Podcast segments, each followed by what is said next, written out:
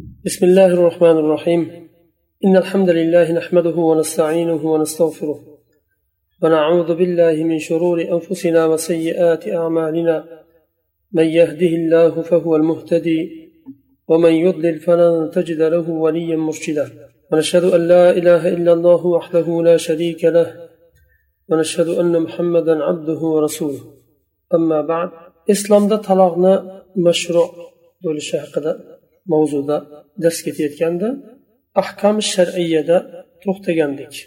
Al ahkam shariya al hukm al awwal ما هي عدة المطلقة والحامل والتي لا تحيض بل إن حكم طلب بلغن أيالنا إدّاسة حقدا أجر حاملة بسا يعني حاملة بومسا يا عموما حيز كرمي ديجن أيال بسا أوجب الله تعالى العدة على المطلقة والمطلقات يتربصن بأنفسهن ثلاثة قروء والمراد بالمطلقات هنا المدخول بهن البالغات من غير الحوامل أو اليائسات لأن غير المدخول بها لا عدة عليها لقوله تعالى ثم طلقتموهن من قبل أن تمسوهن فما لكم عليهن من عدة تعتدونها.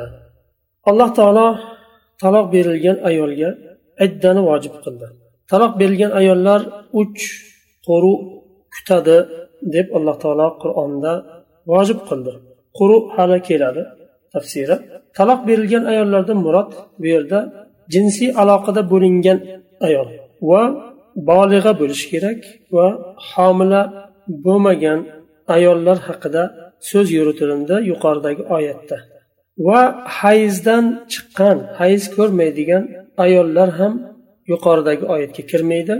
Shulardan boshqasi ya'ni homila bo'lmaslik kerak va hayzdan chiqqan bo'lmaslik kerak. Chunki agar nikohiga olgandan keyin jinsiy aloqa qilmasdan oldin talog'ini beradigan bo'lsa u holatda alloh taolo qur'onda aytyapti keyin ularni min qabli an tamassuhunna ya'ni ular bilan jinsiy aloqa qilmasdan oldin taloq bersanglar. عليهن من عدة تعتدونها. Ularni zimmalarida idda tutishlik vojib bo'lmaydi dedi alloh وعدة الحامل وضع الحمل لقوله تعالى وأولاة الأحمال أجلهن أن يضعن حملهن. حاملة أيالارنا عدة مدة حاملة لارنا تغشلية. الله تعالى آية dedi وأولاة الأحمال.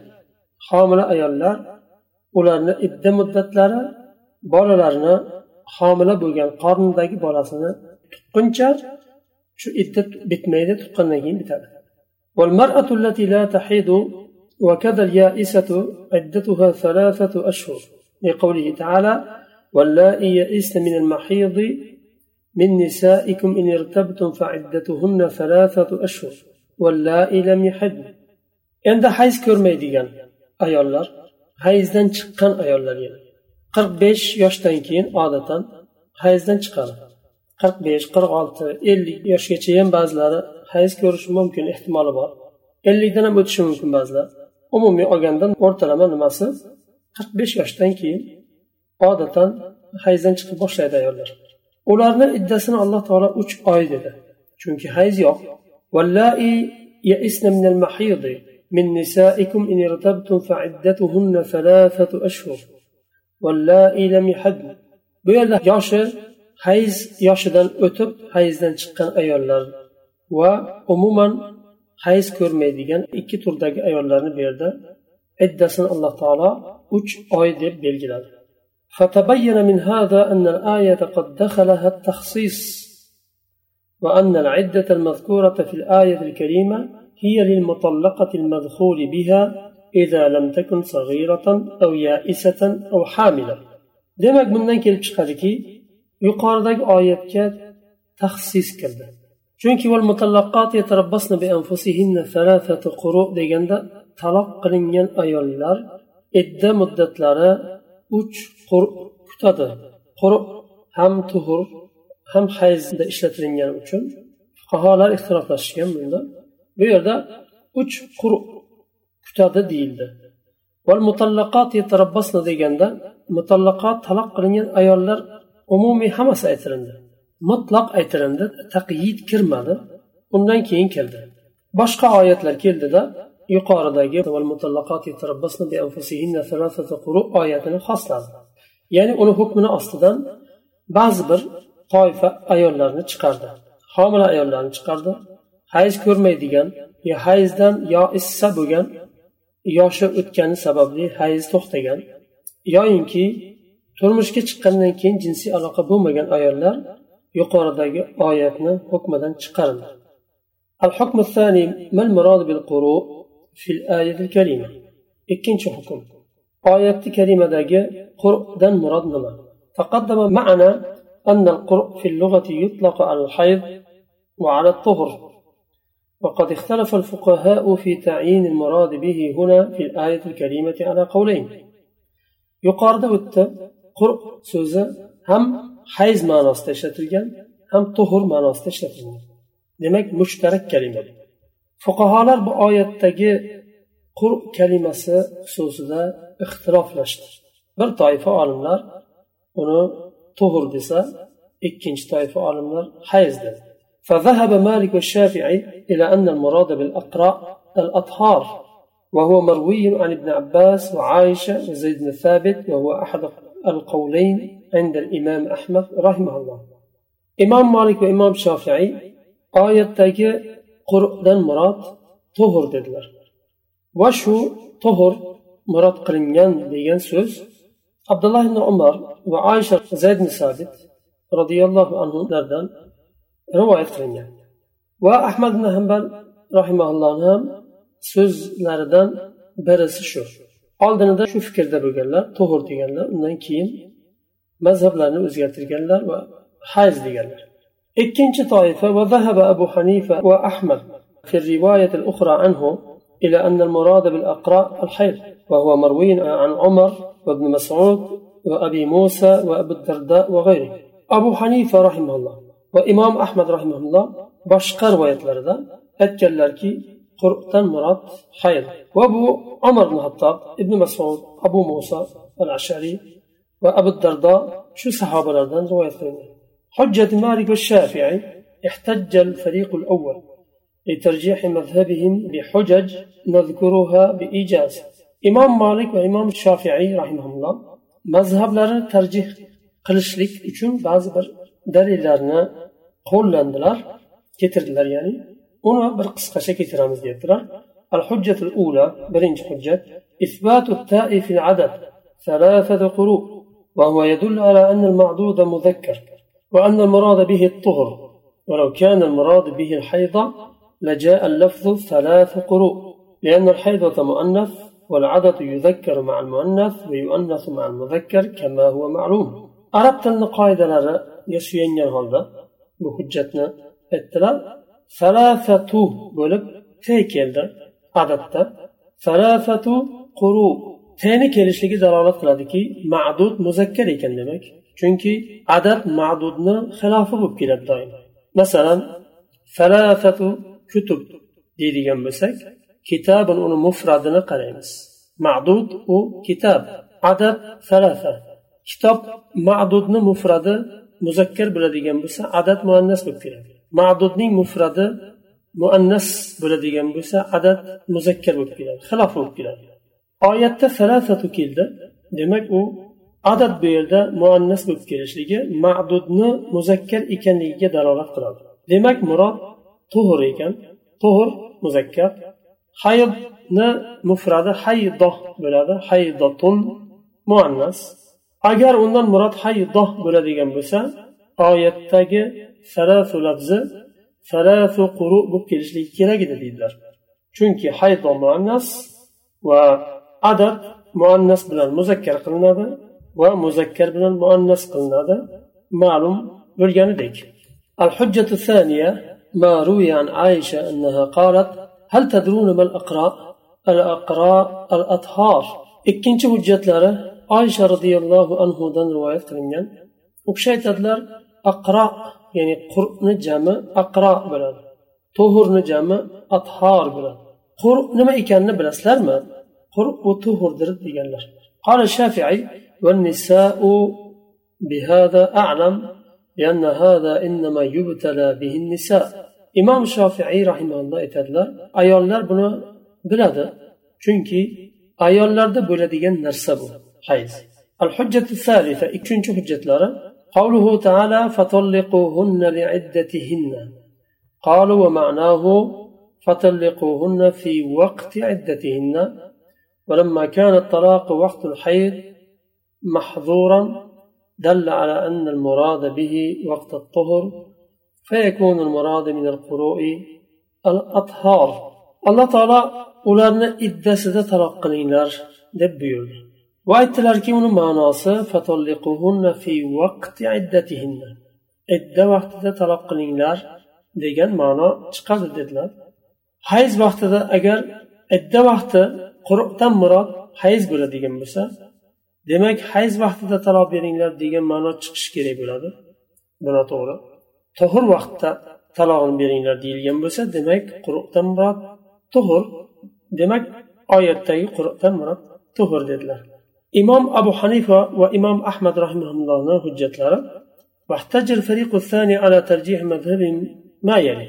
قوي داك هجت أولا إن العدة الشريعات لمعرفة براءة الرحم. والذي يدل على أن على براءة الرحم إنما هو الحيض لا الطهر. بل إن جوجت لنا عدة موت مشروع قلنا. رحمنا بوش إكان لقنا بلش ya'ni bola yo'q ekanini taloq qilingan ayolni qornida bola yo'q ekanini bilishlik uchun tashrih qilindi taloq qilingan ayolni qornidan bola yo'q ekaniga hayz dalolat qiladi to'g'ri emas to'g'ri vaqtida bilinmaydi hayz kelishi bilan bilinadiki demak ayol homila emas ekan قال الإمام أحمد قد كنت أقول القروء الأطهار وأنا اليوم أذهب إلى أنها الحيض أحمد رحمه الله تعالى من قرؤنا طهر دردم بوغن إسا قرؤنا حيز ديمان ديالنا ثانيا واستدلوا بقوله عليه الصلاة والسلام لفاطمة بنت أبي حبيش دعي الصلاة أيام أقرائك والمراد أيام حيضك لأن الصلاة تحرم في الحيض وفاطمة بنت أبي حبيش رضي الله عنها حديث dalil qiladilar. rasululloh sallallohu alayhi vasallam kishiga aytganlar aqro degan so'zni bu yerda mushtarak so'zni ishlatdilar hayz kunlarida namozingizni tark qiling dedilar o'qimang demak aqroqdan murod bu yerda hayz nazarda tutilindi chunki namozni hayz vaqtidagina tark qilinadi o'qilinmaydi ثالثا قوله عليه الصلاة والسلام لا توطأ حامل حتى تضع ولا حائل حتى تستبرأ rasululloh alayhi vasallam aytdilar homila ayol to bolasini tuqqunicha jinsiy aloqa qilinmaydi hail bola ko'rmaydigan ayol. Bola bo'lmaydi u ayolda bir sabab bilan. Shunday ayolni hail deyiladi. Uni ham jinsiy aloqa qilinmaydi to bir hayz bilan istibro qilinmaguncha. Bu yerda albatta nimadan keyin? Bu taloq qilingan bo'lsa boshqa kishi uylanolmaydi to agar homila bo'lsa homilasini tug'maguncha agar hoil biladigan bo'lsa hayz bilan istibro qilmaguncha bu yerda tustabrau bihaydoh deb hayz so'zi bilan keldi فأمر بالاستبراء بالحيضة رسول الله صلى الله عليه وسلم حيز بلا استبراء قلش كبير وقد أجمع العلماء على أن الاستبراء في شراء الجواري يكون بالحيض olimlar ijmo qilishdiki joriyani sotib olinadigan bo'lsa uni hayz bilan istibro qilib keyin sota olinadi yoyinki hayz bilan istibro qilgandan keyin halol bo'ladi sayidiga idda ham hayz bilan istibroga o'xshagan istibro hayz bilan bo'lganidek idda ham hayz bilan bo'ladi. Chunki istibrodan va iddadan maqsad nima? Ayolni rahimini bo'sh ekanini aniqlash. رابعا أقام الله تعالى الأشهر مقام الحيض في العدة alloh taolo hayzni o'rniga oylarni qo'ydi agar quruqdan murod tug'ur bo'ladigan bo'lsa edi bunday bo'lmasdi degan mazmun berdi demak quruqdan murod hayz ekan من نسائكم إن ارتبتم فعدتهن ثلاثة أشهر agar taloq qilingan ayollar hayz ko'rmaydigan bo'lsa ularni iddalari uch oy dedi alloh taolo oy bilan belgiladi فدل على أن العدة تعتبر بالحيض لا بالطهر bu oyat dalolat qiladiki idda hayz bilan e'tiborga olinadi tuhur bilan emas وهذا من أقوى أدلة الأحناف bu hanafiy mazhabini eng kuchli dalillaridan bittasi خامسا إذا اعتبرنا العدة بالحيض فيمكن معه استيفاء ثلاثة أقراء بكاملها لأن المطلقة إنما تخرج من العدة بزوال الحيضة الثالثة بخلاف ما إذا اعتبرناها بالأطهار فإنه إذا طلقها في آخر الطهر يكون قد مر عليها الطهران وبعض الثالث فيكون ما ذهبنا إليه أقوى. beshinchi dalillari aytdilarki agar iddani hayz bilan hisoblaydigan bo'lsak uch hayz komil bo'ladi chunki taloqdan keyingi birinchi hayzni kirishi bilan boshlaydi to uchinchi hayzni chiqishigacha. Demak uch hayz to'la bo'ladi. Agar tug'ur bilan hisoblaydigan bo'lsak tug'urni eng oxirida masalan hayzga bir kun qolganda taloq beradigan bo'lsa bu yerda uch tug'ur komil bo'lmaydi. Chunki alloh taolo quru dedi. Birinchi tug'ur bir kun bo'lib qoladi.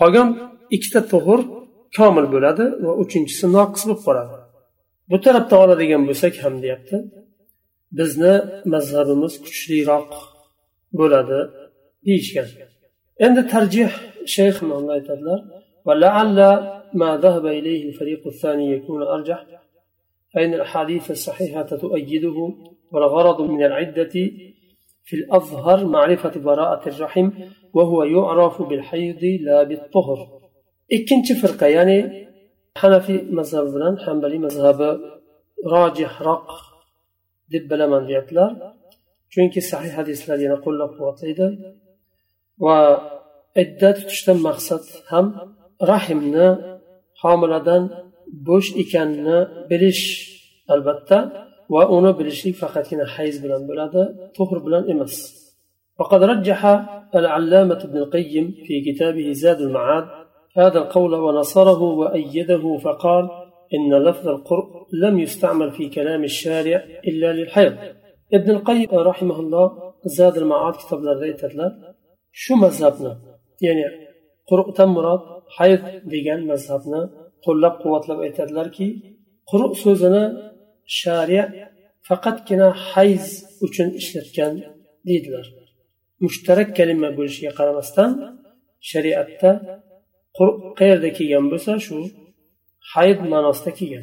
ولم qayerda عنه في موضع واحد استعماله للطهر biror o'rinda ham tuhur ma'nosida kelmagan.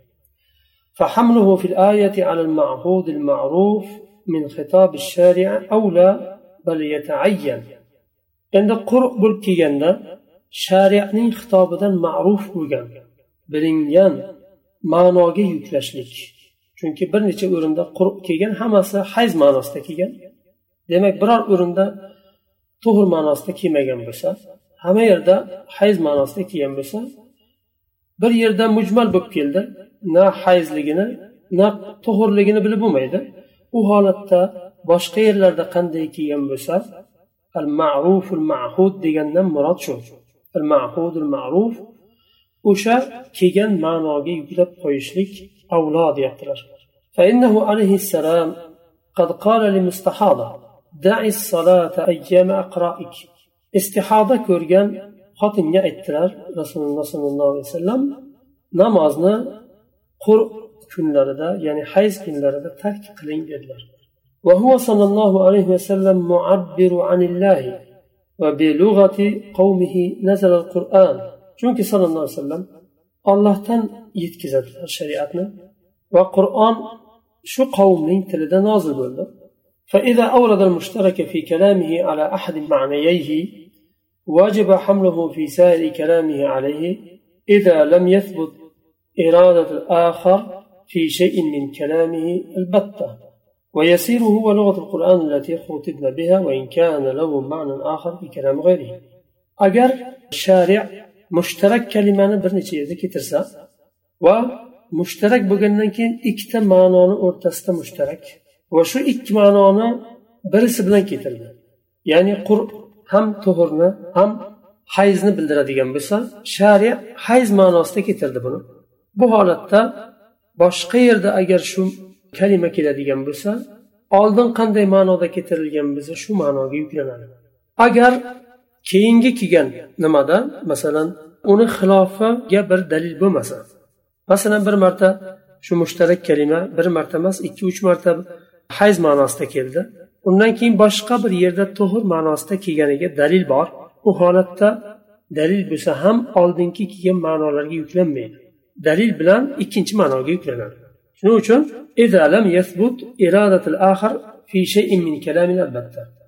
shunday bo'ladigan bo'lsa bu biz xitob qilingan qur'onning lug'ati deyiladi. Agar bu sharianing shariadan boshqani kalomida boshqa ma'noda kelsa ham. وإذا ثبت استعمال الشارع في الحيض علم أن هذا لغته فيتعين حمله عليها في كلامه ويدل على ذلك ما في سياق الآية من قوله تعالى ولا يحل لهن أن يكتمن ما خلق الله في أرحامهن agar shariat shu qur so'zini hayzda ishlatganiga dalil bo'lsa demak shu so'zdan murod nima ekani bayon bo'ldi. Shariat bu so'zni nima ma'noda ishlatganligi bilindi bizga. Demak boshqa yerda yana qur keladigan bo'lsa shu ma'noga yuklashligimiz kerak bo'ladi. Oyatning siyoqi ham shunga dalolat qiladi. Idda tutgan vaqtlarida ayollar الله تعالى alloh taolo ularni rahimlarida yaratgan narsani yashirishlari وهذا هو الحيض والحمل عند عامة المفسرين وأيضا فقد قال سبحانه واللائي يئس من المحيض فجعل كل شهر بإزاء حيضة وعلق الحكم بعدم الحيض لا بعدم الطهر يقال ذلك آيات الله تعالى رحم دا يرد كان يعني بولانا yashirmanglar yashirishlik halol emas dedi. Bundan murod deyaptilar hayz.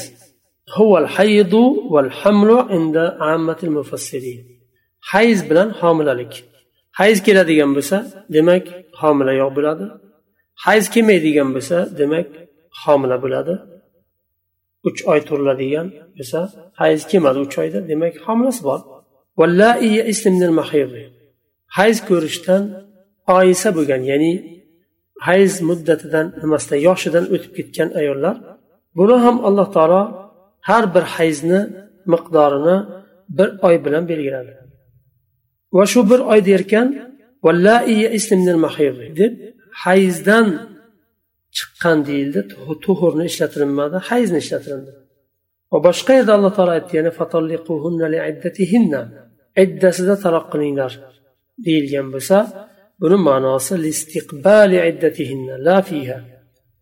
ya'ni iddasi kelishi oldidan uni ichida degan ma'no chiqmaydi dedilar fiha ya'ni o'sha idda vaqtda emas iddasi kirishdan oldin deyildi فإذا كانت العدة التي يطلق لها النساء مستقبلة بعد الطلاق فالمستقبل بعدها إنما هو الحيض أجر erkaklar taloq bergandan keyin taloqdan keyin keladigan narsa u hayd bo'ladi tuhur bo'lmaydi. Chunki tuhurda bo'lgan ayol tuhurni qarshilamaydi ya'ni tuhurdan keyin tuhur kelmaydi tuhurdan keyin hayit keladi. Fihi chunki u ayol tuhurni ichida turibdi. Tuhurdan keyin yana tuhur kelmaydi tuhurdan keyin hayz keladi. بعد حالها التي هي فيها. يعني تهر دا برب ترغن ننكين وننكين كلا ديگن نوبت تاگين حيث كلا دمك لعدتهن ذا مراد لاستقبال عدتهن ديگن تفسير نقرشتا. شو هذا دوخت امس كينجي درستا وچنچ حكم ندوامي تمس سبحانك اللهم بحمدك أشهد أن لا إله إلا أنت أستغفرك وأتوب إليك.